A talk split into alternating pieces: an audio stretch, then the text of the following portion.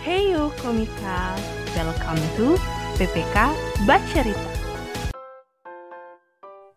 Hey yo komika, Heyo, welcome to podcast PPK Bacerita. Kembali lagi bersama Kak Julio dengan partner saya. Kia. Oke, eh, hari ini eh, orang mau bahas tentang game. Kalau eh, dari Kia sendiri, kalau baca cerita game ini, Kia jago main game apa? Oh, kalau game sih akhir-akhir ini sering main PUBG. Kalau bosan main eh, Mobile Legends sih kak. Oh, jadi itu dua game Kang. Eh, lagi memang lagi top top sih dari dua tahun terakhir ini dua game itu Eh, PUBG sama Mobile Legend itu nak memandang usia sih eh, bahkan nak memandang gender dan eh, banyak yang jaga bermain Eh, Kia sekarang eh, rank atau tier apa di PUBG dan di Mobile Legend Eh, kalau di PUBG sih season lalu tier Ace loh kak.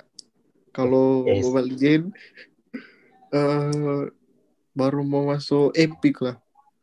oh baru masuk epic kan Eh, itu sih kalau kak di PUBG akhir-akhir ini tidak main karena lalu sempat download Genshin Impact Apa itu kapasitas besar.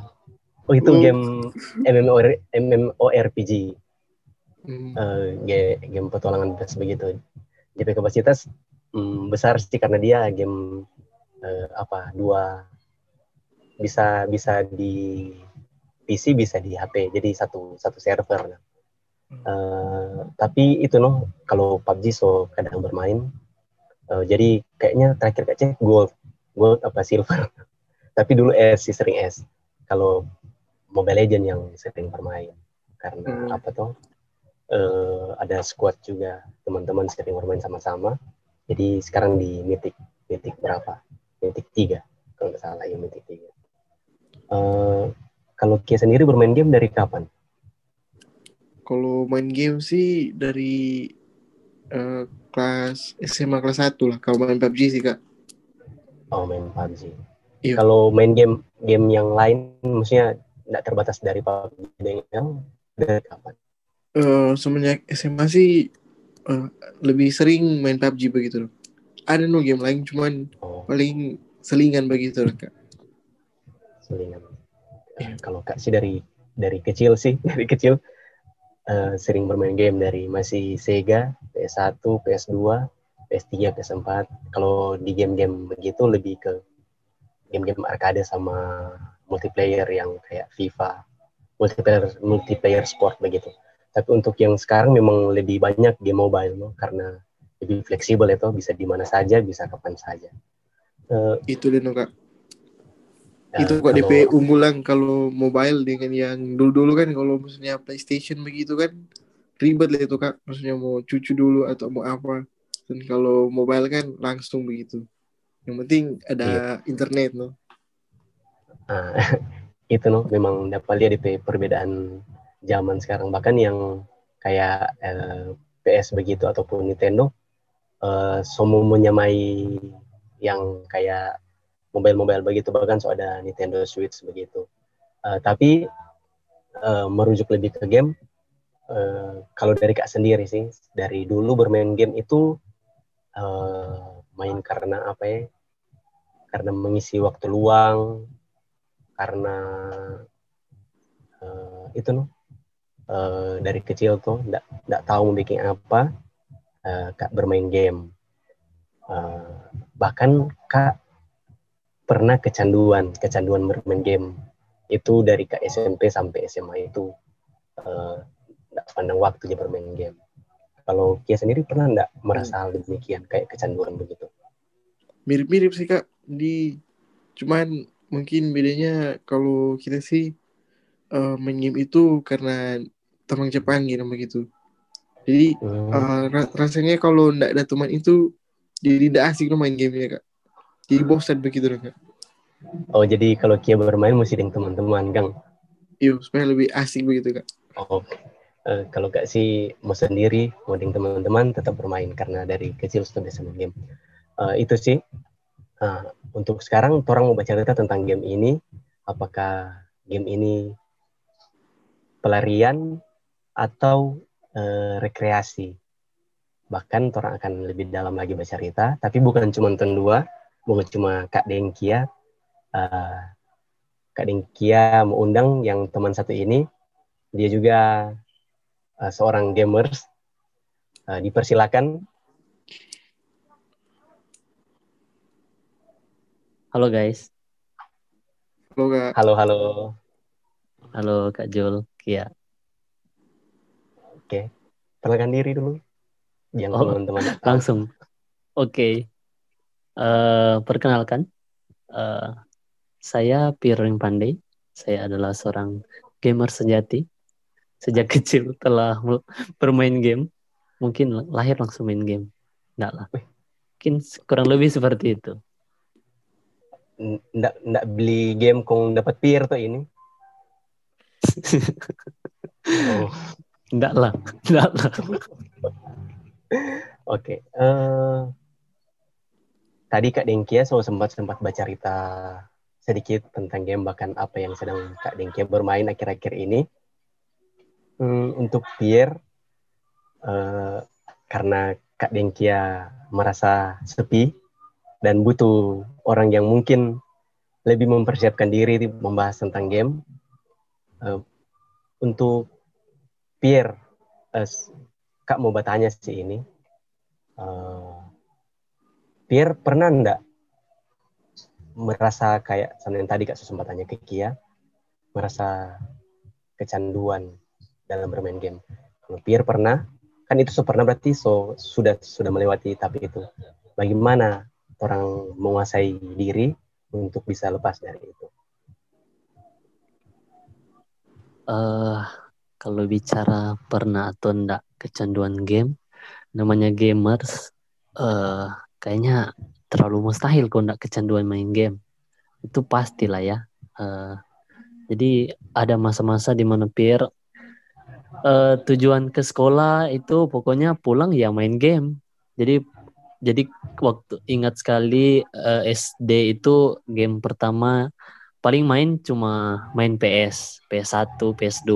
Tuh G- SD itu masa PS1, PS2. Jadi bisa main sendiri, bisa main teman-teman. Eh, baru ingat SMP, mulai kenal game PC. Nah, per- tahunnya game PC itu Dota. Nah, Dota itu bikin Pierre sangat kecanduan waktu SMP itu. Eh, sempat ada cita-cita menjadi pro player, cuma untungnya enggak keterusan. Jadi eh, syukurnya enggak terus. Jadi itu pergi sekolah, pulang langsung ke warnet. Main main di warnet sampai semua malam baru pulang. Masih syukurnya masih ingat rumah ya. Syukurnya masih ingat rumah. Yang pasti eh eh, apa kecanduan ini Pierre rasakan sampai di titik Pierre eh, masuk SMA.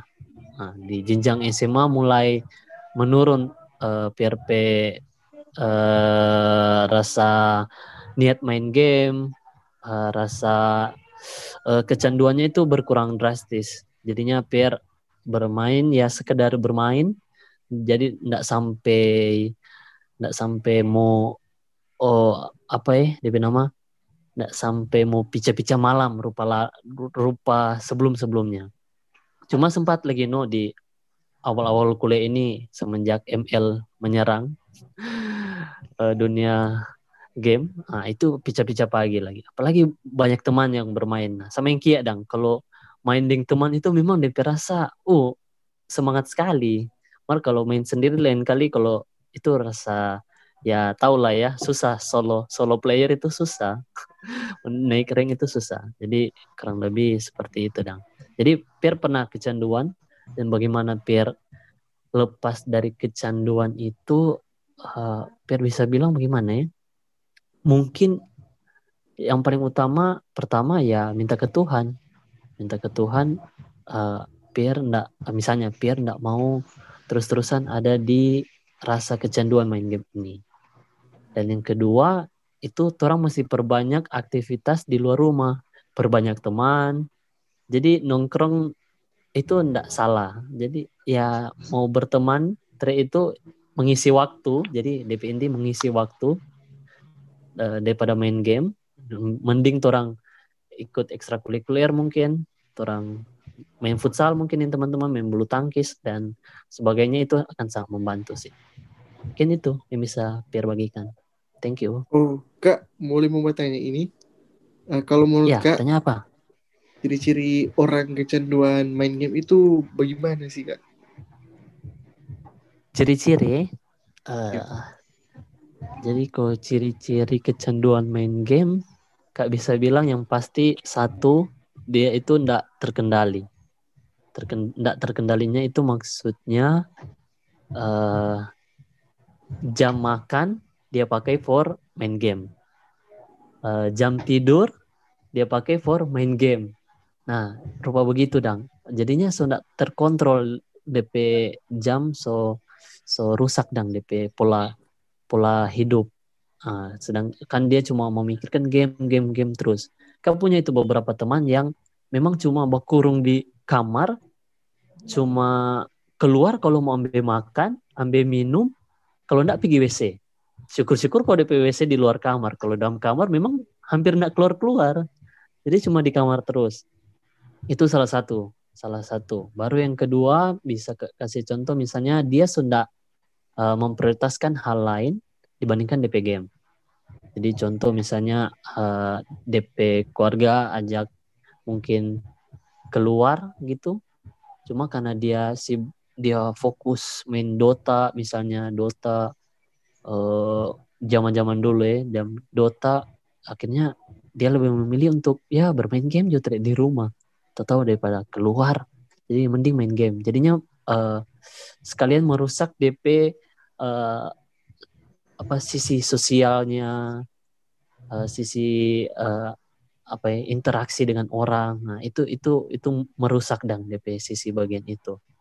Hal lainnya misalnya uh, tanda ciri-ciri kecanduan itu misalnya selama 12 bulan ini yang Kak baca ya di sebuah artikel. Selama 12 bulan kalau uh, dia terus-terusan seperti itu mengurung diri kurang beraktivitas di luar uh, rumah itu berarti dia semua masuk pada fase gangguan mental. Nah itu itu itu yang sebahaya 12 bulan loh. Jadi terang itu sudah standarnya dari WHO kalau 12 bulan itu sebatas uh, seorang entah anak, pemuda, remaja ataupun mungkin so setua yang so sama kalau dia so 12 bulan begitu begitu terus bisa-bisa dia so so masuk fase frustasi bahkan gangguan mental. Itu sih yang bisa bagikan. Oke, okay. uh, apa?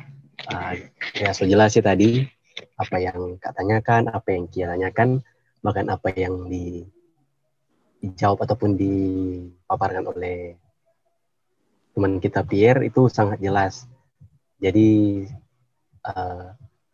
tidak salah, tidak salah sih orang bermain game, tapi orang harus kendalikan tompe diri dan orang harus tahu tompe batasan itu seperti apa. Jadi orang harus tahu tadi ciri-ciri, oh ternyata ini suka harus masih diri dengan pengendalian diri. Uh, tadi bergame itu kreasi atau karya. Nah, dari apa yang saya paparkan tadi, orang bisa orang ini bermain game, pelarian, rekreasi. Jadi ketika orang hanya untuk waktu kosong dan tidak bisa melakukan hal lain selain orang bermain game lupa, oh orang sudah bisa apa-apa ini daripada orang melakukan hal yang negatif ya bisa jadi orang isi dengan waktu bermain game tapi bukan untuk kelebihan. Kak punya pengalaman pribadi dulu waktu uh, Kak masih berjuang dari Kak kelas 2 SMK kalau nggak salah. Iya, kalau nggak salah ingat itu Kak waktu awal-awal KTB, Kak berjuang dengan dosa pribadi yaitu uh, apa? nonton video video porno. Kak P cara untuk menghindari itu dan satu hal yang menolong itu lewat bermain game sih. Itu jujur. Salah satu hal yang menolong Kak untuk terlepas dari kecanduan hal yang uh, bermain apa? nonton video porno tadi tapi bukan untuk uh, apa jadi kecanduan di game juga nah itu hanya bentuk untuk uh, kayak treatment-treatment melepaskan diri dari uh, apa dosa pribadi tadi. Nah itu kembali lagi jangan ya ini bukan bukan melarang tapi kayak teman tadi Tompe teman Pierre bukakan tentang uh, apa ini? Ya game itu ada batas-batasnya dan enggak, enggak, enggak, enggak salah bermain tapi jangan sampai kelebihan. Dan uh, itu no uh, karena Tuhan tahu segala sesuatu yang berlebihan itu sangat tidak baik dan bahkan bisa merusak lingkungannya orang bahkan relasinya orang dengan yang lain bahkan dengan Tompe diri. Karena kak baca di berita itu ada yang meninggal karena bermain game terus no live dong lo anak gamers bilang no lab. Uh, jadi DP satu hari bukan satu hari full sih DP kasaran itu dia bermain game terus dan dia hanya makan tidak tidur. Akhirnya dia meninggal dunia. Itu kalau salah di Korea. Korea apa? Jepang apa? Cina nah itu sih. Jadi uh, kalau dari yang nggak tangkap dari yang nggak tangkap itu ya segala sesuatu yang berlebihan itu tidak baik no. Dan uh, itu sih yang masalah apakah orang bermain game untuk memuaskan diri atau hanya untuk uh, apa uh, mengisi rekreasi orang uh, ya itu sih yang akan orang bicarakan lebih dalam lagi dan akan ditanyakan juga ke Pierre.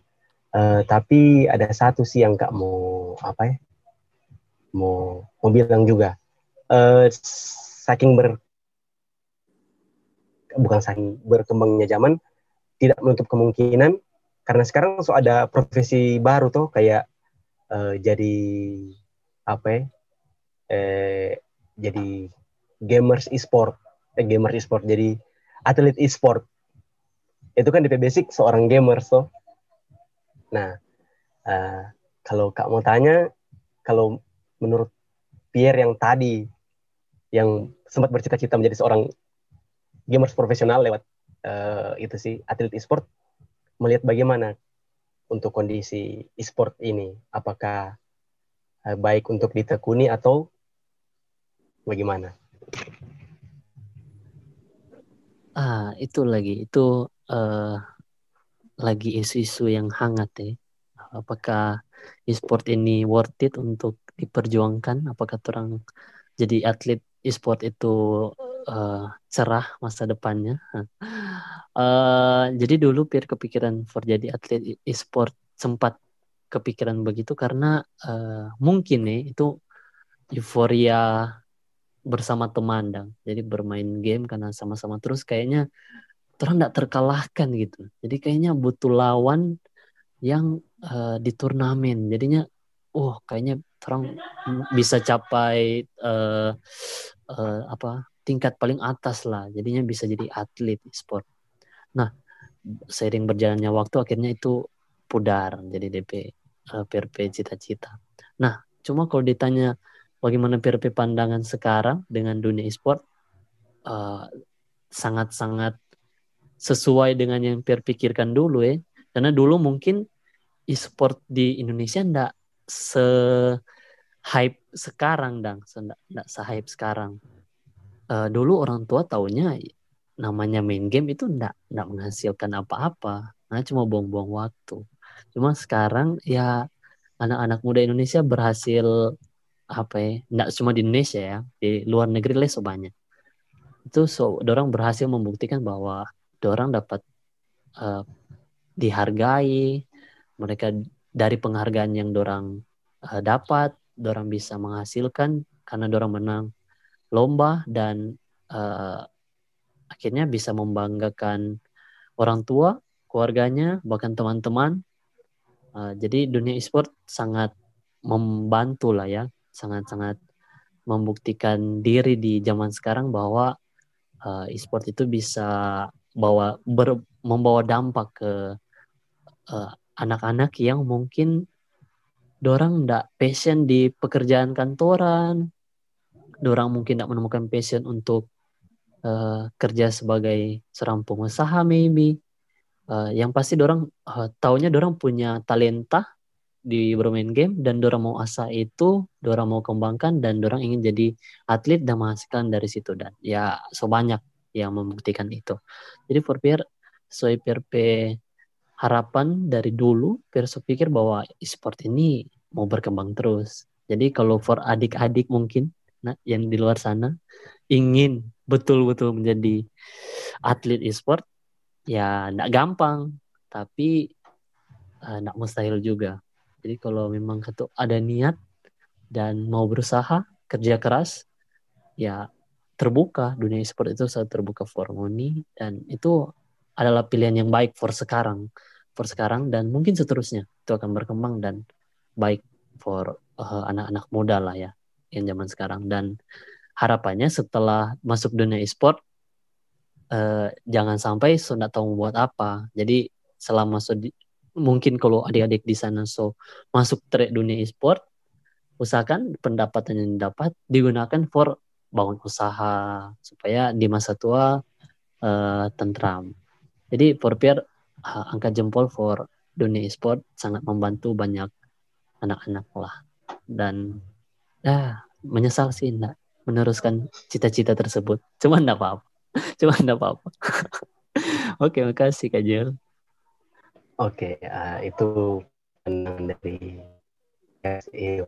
Uh, orang nggak bisa menutup kemungkinan itu hadir dan dan sekarang sudah hadir memang uh, e-sport atlet e-sport di mana-mana. Uh, uh, adik-adik ataupun teman-teman yang memang uh, ingin ataupun sedang mempersiapkan diri untuk menjadi seorang pro player atau e-sport itu bisa. Tapi ya kembali lagi untuk batasan-batasan tadi. Karena e-sport itu bukan setiap hari bermain game orang ada waktu juga untuk keluarga, ada waktu juga untuk uh, diri sendiri, itu untuk makan, untuk minum, untuk berolahraga, uh, bahkan untuk beraktivitas di luar. Jadi tidak hanya kayak bilang mati-mati di game, dan jadi ya kayak semua orang seorang pemain sepak bola, tidak setiap hari dia bermain bola. Ya pasti latihan itu ada, tapi tidak setiap hari dia bermain bola. Begitu juga dengan atlet-atlet yang lain, tetap ada batasnya. Dan bahkan itu no ada kadar-kadarnya dan untuk sebagai apa untuk kontrol diri. Nah, mungkin uh, dari Kia ada yang ingin saya tanyakan? Uh, kalau dari kita sih kak, mungkin kakak Pierre ingin menanyakan uh, apakah selama main game, apakah kak merasa puas atau tidak? Itu sih kak. Oke, pertanyaan yang sangat-sangat bagus uh, apakah saat kak main game itu membuat kak puas? DP jawaban ya, tapi tidak. Jadi ada ya dan tidak. Uh, ya-nya ya memang kak puas, kak puas, kak merasakan kepuasan pas main game karena uh, dibanding hal lain, hal yang paling menghibur kak itu kalau main game itu fix no debat, fix no debat itu game paling meng, meng, menghibur kak dan Uh, tapi di sisi yang lain ya uh, lain kali kak kalau seteru banyak main game ya, misalnya kak so bermain game misalnya so tiga jam lima jam pernah kak main memang satu malam kak main tidak tidur uh, di akhir main game itu kak kepikiran uh, kita main game berjam-jam ini for apa sih? For apa cara bermain game ini? Uh, kayak ya apa yang kita cari-cari sih selama ini? Kayaknya uh, puasnya sesaat saja dang. Setelah itu ya hilang. Uh, mungkin itu yang buat Leka jadinya sekarang bersyukurnya mungkin uh, berkurang dan Kak P. Waktu bermain jadi memang Kak bermain cuma saat bosan atau memang ada waktu luang baru Kak bermain. Uh, jadinya Kak bisa bilang bahwa game itu dapat memuaskan orang tapi DP uh, eh, apa sih durasi itu tidak bertahan lama. Jadi kak bisa bilang uh, memuaskan tapi di sisi yang satu enggak jadi tetap ada kekosongan yang enggak bisa diisi oleh game. Jadi banyak sisi le bahkan banyak aspek yang enggak bisa diisi oleh game saja. Jadi orang butuh hal-hal lain di luar sana Oke, uh, mungkin yang yang yang diartikan kata memuaskan dari Pierre lebih ke dapat menghibur Pierre, Kang, dapat menghibur Pierre uh, dalam dalam waktu apa? Yang ya enggak enggak enggak selamanya tapi hanya beberapa saat karena uh, Pierre hanya butuh rekreasi sebenarnya Kang. Betul kak. butuh rekreasi. Jadi ya, menyinggung rupa tadi Pierre bilang uh, game dapat kayak memuaskan tapi enggak enggak itu dong masih ada merasa yang kekosongan. Dan uh, itu enggak bisa dipuaskan oleh game. Ya kak mengutip apa yang di, seperti apa yang dikatakan sama Blaise Pascal uh, ada ada apa? Ada ruang yang kosong dalam hati manusia dan itu tidak bisa diisi ataupun dipuaskan oleh segala sesuatu yang ada di dunia ini. Kecuali sama sang pencipta sendiri yaitu Tuhan itu sendiri. Bahkan dibilang lewat Yesus Kristus. Nah jadi kak mau tarik dari seperti apa yang dikatakan oleh Blaise Pascal itu jadi ya seperti tadi bahkan ketika Pierre bermain dia ingin memuaskan DP diri tapi dia tetap tetap masih bisa merasakan kekosongan uh, yaitu seperti yang dikatakan oleh Blaise Pascal hanya bisa diisi oleh Tuhan itu sendiri lewat Yesus Kristus yang orang kenal sebagai Tuhan penjuru selamat. Itu pun juga yang kealami sebenarnya. Jadi eh, sama yang tadi bilang kak sempat kecanduan di waktu SMP sampai SMA itu kak kecanduan bermain game itu sih uh, di PS itu bermain Fatal Frame. Itu game foto-foto hantu itu DP series dari 1, 2, 3 sampai kak cari DP 4 ternyata DP 4 nggak ada cuma ada di PS PS4 DP 4 nah eh di PS4 di Xbox di PP DP seri 4 itu itu sang, kak sangat kecanduan. Dari pulang sekolah kak langsung bermain. Kak bermain sambil makan itu sambil bermain. Memang nolep sekali dan sampai nol tapi itu kak merasa ya kayak masih ada yang kosong memang dan itu tidak bisa terisi oleh apa pun yang ada di dunia ini. Bahkan ketika orang memaksakan hal itu untuk diisi tapi memang DP puzzle itu tidak pas memang. Bukan itu. Karena ya karena diciptakan bukan itu untuk dipuaskan. Hanya sang pencipta itu sendiri yang bisa memuaskan lewat Yesus Kristus. Nah, itu sih yang bisa juga kak bagikan uh, pembicaraan tentang uh, game kali ini. Uh, mungkin kalau teman-teman yang mendengar ataupun adik-adik yang mendengar ada yang ingin ditanyakan ataupun ada yang ingin disanggah ataupun ada yang ingin cerita atau berbagi tentang game ataupun kesarian tentang game itu bisa di sharingkan ke teman-teman PPK ataupun ke kakak-kakak TPS ataupun lewat komen di video ini nanti akan tayang di YouTube ataupun di Spotify nanti akan di respon sama TPS dan teman-teman PPK bisa juga di WhatsApp-nya ataupun di IG-nya nanti ada DP nomor kontak. Terima kasih untuk Kia terima kasih juga untuk Pierre yang bisa bergabung bersama-sama dengan bersama Kak. di dengan Kak di malam ini uh, membahas tentang game. Uh, sangat seru sekali. Uh, ini masih banyak yang bisa dibahas tapi orang ada batasan-batasannya jadi enggak uh, apa tidak kemungkinan orang bisa bahas lagi dan kembali lagi rupa tadi tidak salah dengan game tapi orang harus tahu batasannya orang oke okay?